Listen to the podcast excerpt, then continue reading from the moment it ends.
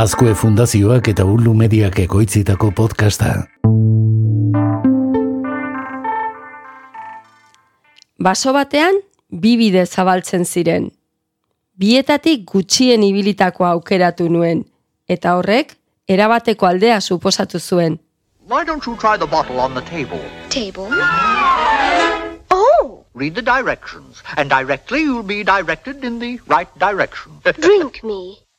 Robert Frostek bere olerki ezagunean bezala, interneten basoitzel horretan barrena ibiltzeko bide ezberdinak hartu ditzakegu guk. Bat hartu edo beste hartu, nahi genuen helmugara berdin iritsiko gara, baina bidean zehar segurazki gauza ezberdinak ikusiko ditugu. Tastes like cherry tart. Custard. Pineapple. Roast turkey. Goodness! What did I do?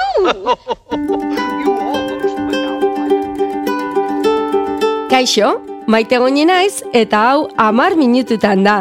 Teknologia eta pedagogia, hau da, teknopedagogia lantzen duen podcasta. Amar minututan.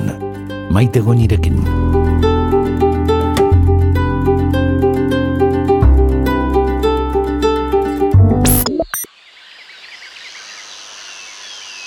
Oier, oier, hor zaude? Bai, hemen nago, e, zuaitz horren atzean. etxoin, etxoin, orain txenoa. Maite, maite, maite, gaur inspiratuta zatu zela antzematen da toke poetiko eta guzti. Uda berria badakizu.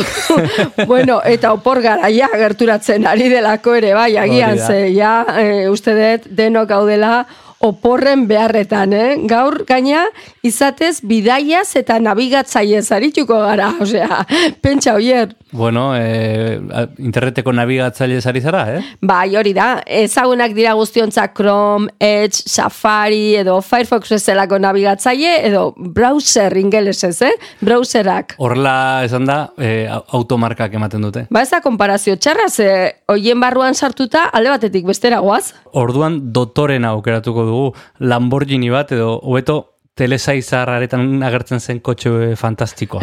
Bai, bueno, etzaigu horretarako aurrekontua iristen. Dena dela etzaio markari soilik begiratu behar, oier, ze pentsa nabigatzaile bakoitzaren atzean enpresa erraldo joietako badagoela. Googleena da Chrome, Microsoftena da Edge eta Appleena da Safari, adibidez. Hoxe, hori da.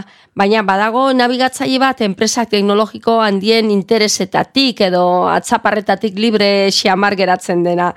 Bakizu zein dan, ez da? Firefox. Firefox, hori da, motxila Firefox edo Firefox nabigatzaile librea da, kode irekikoa, eta gainera, ba, ez dator eh, lehen etxita inon. Beraz hau erabiltzeko, erabaki konstiente bat behar da, baina zergatik izan daiteke garrantzitsua Firefox erabiltzea.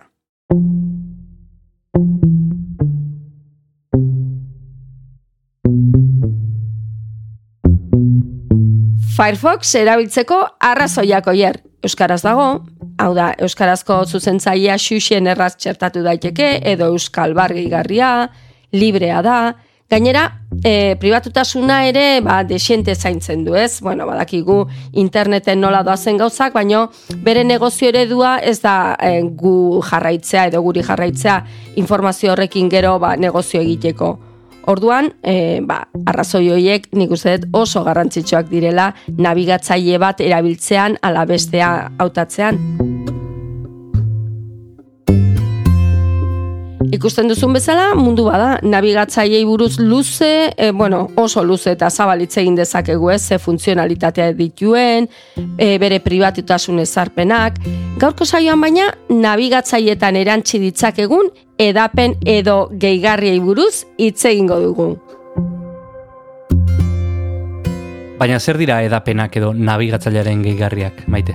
Bueno, orokorrean programa txikiak dira eta nabigatzailetan funtzionalitateak eta hobekuntzak gehitzen dituzte. Edapen edo gehigarri sorta zabala dago. Adibidez, e, gure nabigatzailetan instalatu ditzakegu e, pantaila argazkiak ateratzeko pantailazoak egiteko mm, gehigarri bat, edo bideoak deskargatzeko beste bat, edo biztaratzen ari garen web horriak itzultzekoa, hau da, gauza mordo bat egin dezakete. Esan daiteke tresnak bezala direla, e, aplikazioak bezala, baina e, nabigatzailean instalatuta. Hori da, botoi txiki bat gehitzen diogu, e, tresna barran edo gehitzen dugu, eta funtzionalitzade jakin bat eranzten diote.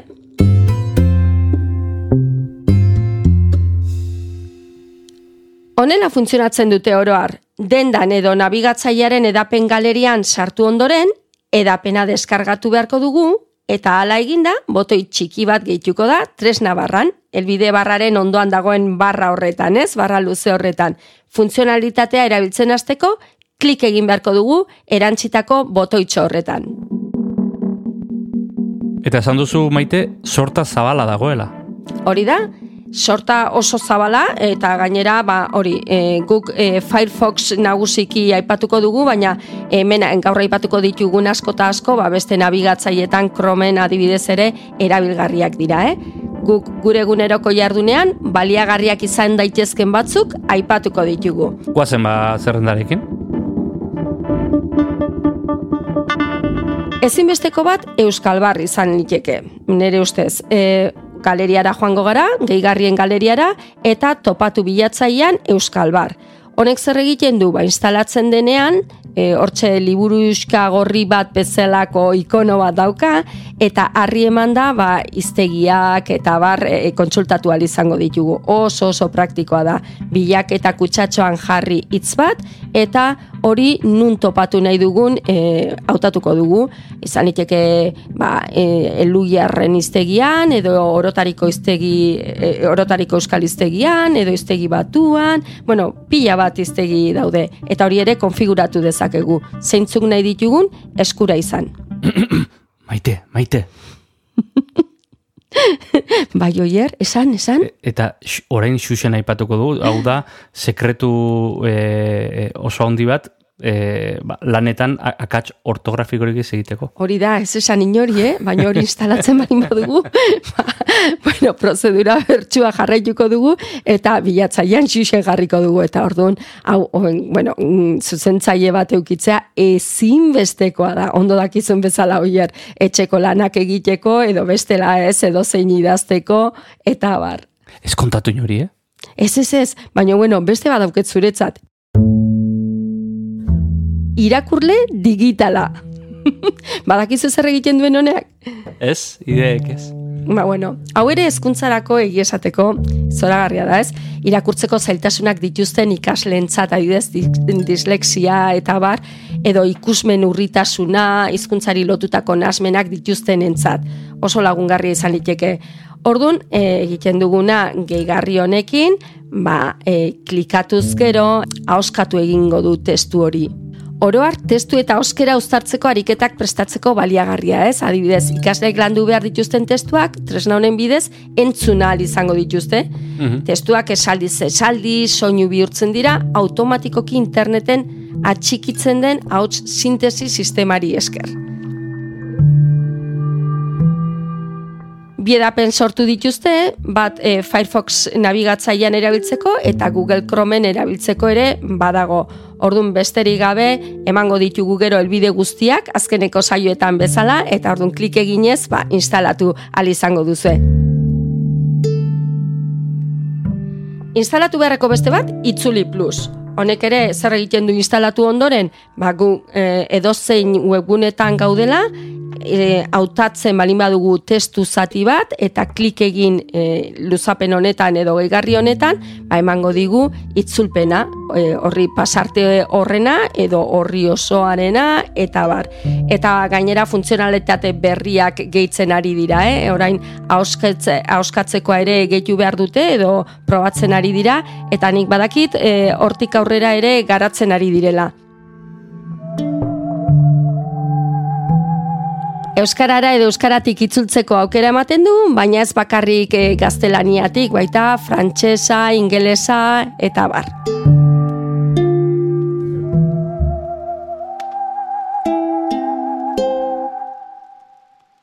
Eta beste bat, e, oso interesgarria dena, beste hizkuntza batzuk edo i, e, itzuli nahi balin baditugu, to Google Translate delakoa. Google Translateeko mm, edapen pila badaude, orduan merezi du ondo hautatzea zein ipiniko dugun, eta hause to Google Translate ederra da.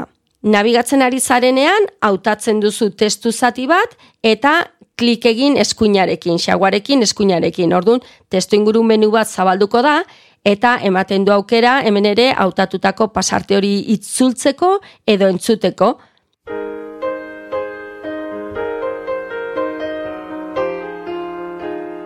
Beste aukera bada horri osoa itzultzea. Hau hautatzen badugu, hau oso osona da, eh? beste horri bat zabaltzen da, eta horria bere horretan, imaginatu berrian gaudela, eta artikulu bat ira, irakurtzen ari garela, eta hori hautatu eman eskluineko botoiarekin eta ikusiko dugu artikulu bera, itxura berarekin dena argazkiak irudiak berrie izango aliz bezala, baina arabieraz edo ez dakinik, e, ingelesez, armenieraz, e, frisieraz, hizkuntza mordo-mordo bat daude, eunda bederatzi hizkuntza. to me. Can't you see? Esan du zaioren hasieran, baina gaur inspiratu detorri zela, zalantzarik ez maite. Eta, eta gainera badaki zergatik. Bai, zergatik? Maite minuta zaudelako. Bai? Bai, Firefoxekin. bueno, bueno, arramatu inauzu, Gure, oier. gure, gure sekretu izango dala zei. Eta Vale, nik vale. fida zaitezke. Vale, ez esan inori, eh? baina bai, nabigatzaile librea da, eta bai, mate mundutanago, eh? horrek ez du esan nahi, beste batzuk ere erabiltzen ez ditudanik, eh? Tira, Baina, oain, bueno, oain arte e, ikusi dugu bere perfil ona, ez? E, Bai. Baina badauka perfil itxusirik, ala? Ba, ez, e, nik behintzat dakidala ez dauke, e, e, doai gehiago ezagutuko ditugune, baituzu, baina alde txarrik ez dizkiot ikusten. Bagoazen gehiago ez gautzera. So beautiful.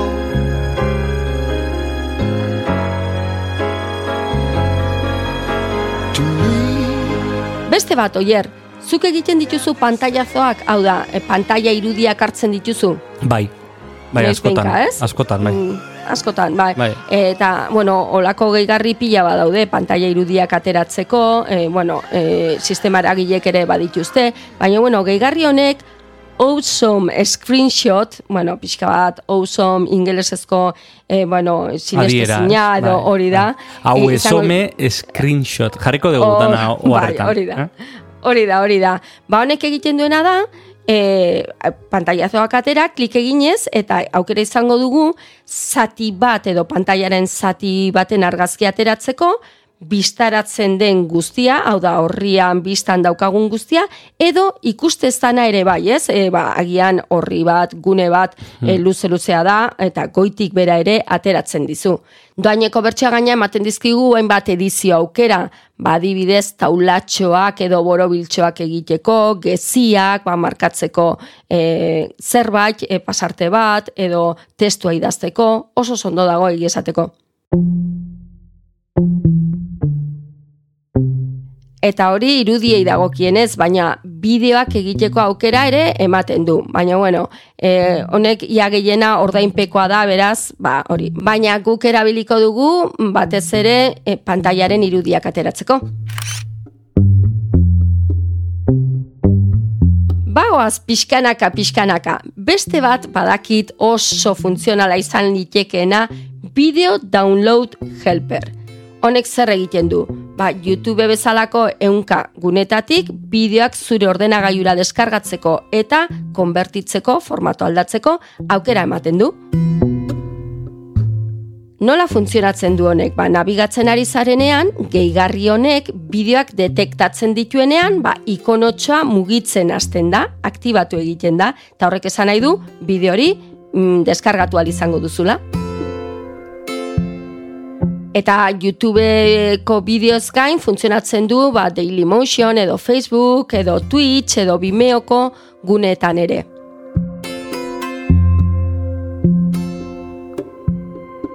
Zerrenda honetara ekarri behar dugun beste gehigarri bat da, iragarkiak blokeatzeko gehigarri bat. Olakoak ere desente daude, baina adibidez osona ba, valorazio ugari ditulako eta onak direlako adblocker ultimate. Adblocker Ultimate izan daiteke aukera bat. Honen helburua da iragarki guztiak kentzea eta iragarkiak blokeatzea. Tira eta disclaimer gisa, edabide askotan behartzen zaituzte hau desaktibatzera, ez da, maite? Bai, egi esateko, bai, eh, gero, mm, beti egiten ditugu horrelakoak ipini eta gero beste aldetik eh, ematen dizue aginduak kentzeko, gero beste bat eh, sortzen da ba, funtzionalitate hobeak dituena, gehiago blokeatzen duena, eta horrela etengabe, eh? baina, bueno, beti ere ba, funtzionatzen dute horrelakoek.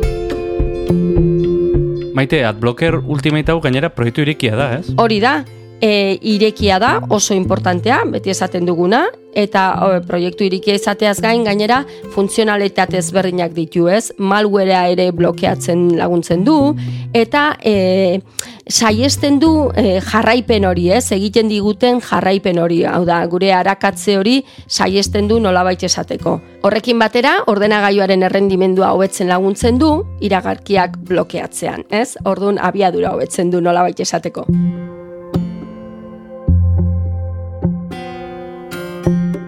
Eta gehiegi ez luzatzeko, azken bat emango dugu.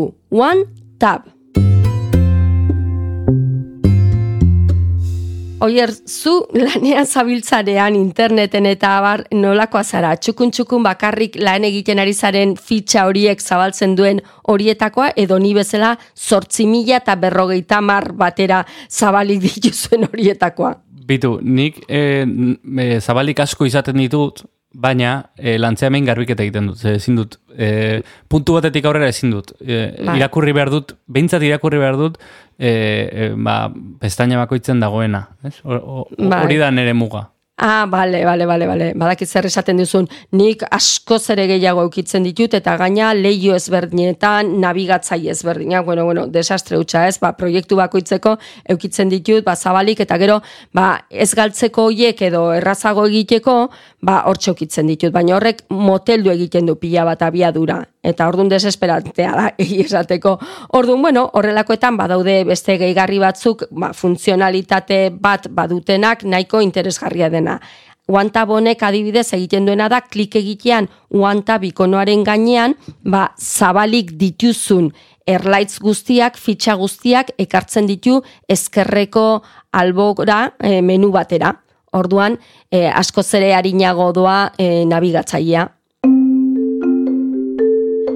Orduan, imaginatu dituzula denak ezkerreko menu batean ikus ditzakezu, e, ikus dezakezu zer daukazun zabalik, eta horko ezkerreko menu horretatik bertatik egin dezakezu zuzenean itxi, errepikatuta balin badaukazu, edo zabaldu denak, e, bueno, ematen ditu kudeatzeko hainbat aukera.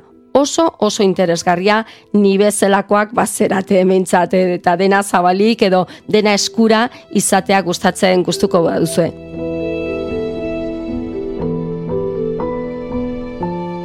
Onaino iritsi gara errepaso txiki honetan, bakar batzuk baino ez ditugu aipatu, baino goemendatzen dizuet sartzea Firefoxeko edo zuen gustuko nabigatzailearen galeria horretan, edo market horretan, esaten dioten bezala, eta begitxo bat botatzea. Gainera, gune hauetan egoten dira sailkatuta, ba, eremuaren baitan, ez? Eba, segurtasunekoak, produktibitatea areagotzen dutenak, orduan oso erresa da em, bilaketak egitea. Baina gogoratu beti esaten duguna, ez? Edozein gehigarri gehitzean, edozein gauza gehitzean azken finean, ez? Segurtasun eta pribatutasun ezarpenei erreparatzea komeni dela. Firefoxen kasuan edozein aplikazio instalatu behar duzunean, ezkerrean azaltzen dira emean behar ditugun baimenak, ez? Ordun hoiek aztertuko ditugu eta gutxi gora bera nahiko zentzudunak bani badira, ba onartu egingo dugu eta instalatuko dugu. Edo zein modutara honena beti izaten da ikustea bestek zer dioten, ez? Gehigarri horren inguruan, ba, ia, jende asko jetxi duen, ia iruzkin onak dituen, balorazioa, eta bar. Hau da olore pila, maite. Esan dizut, oier, lehen ere, udaberria da. Bueno, ni onartu behar dut ni ere maite mindu naizela pixka bat, eh, nabigatzaile honekin. E, normalean Chrome erabiltzen dut, baina akaso e, Firefox ere gehiago erabili beharko. Bai, erabili beharko genuke. Dena den esan dizut, oier, eh? kromerako ere hauek badaude, hauek eta milaka gehiago ordun, ba nahi izan ezkeo ere, hor txaituzu. Urrengo saioan itzingo du hoietaz, ez da maite? Ba ez, Bale, bale, bale. izan liteke aurrerago beste de urrengo denboraldian, ez, itzuliko gara eta egingo ditugu beste errepasotxo batzuk, baino urrengo saioa berezia izango da. Abai, eta hori? Ba, denboraldiko azkena izango delako, oier? Ara, ara, ara, amabi garren aia, eh? E, eta Bai. zertaz arituko gea. Bueno, ba hori jakiteko urrengo amar minututan saioa entzun beharko duzu, baina pista bat emango dizut, oier. Bota. Oso, oso, oso oso ondo pasatuko dugu azken saio horretan. Tira gogoratuko dugu beti bezala, e, audio plataforma guztietan topatu gaitzakezula, Spotify, Google Podcast, Apple Podcast, Stitcher, arpidetu, eta... e, Ja, nola ateratzen zaizun, eh? Dena hor segidan, oier. Be, berez, berezko atatzen zait, bai, bai. Bertan arpidetu, eta lehenengo izan zaitezke ar- amar minututan jasotzen, eta alaber, Twitterren ere bagaude. Hori da, e, abildua amar minututan, hortxe topatuko gaituzue, eta gogoratu, esteka guztiak, oraintxe aipatuko ditugun gehigarri guztien estekak, hementxe dituzuela eskuragarri. labur.eus barra amar minututan iru. labur.eus barra amar minututan iru. Maite, azken saiora arte, amabigarren saiora arte. Hori da, agur agur oier! Agur, agur.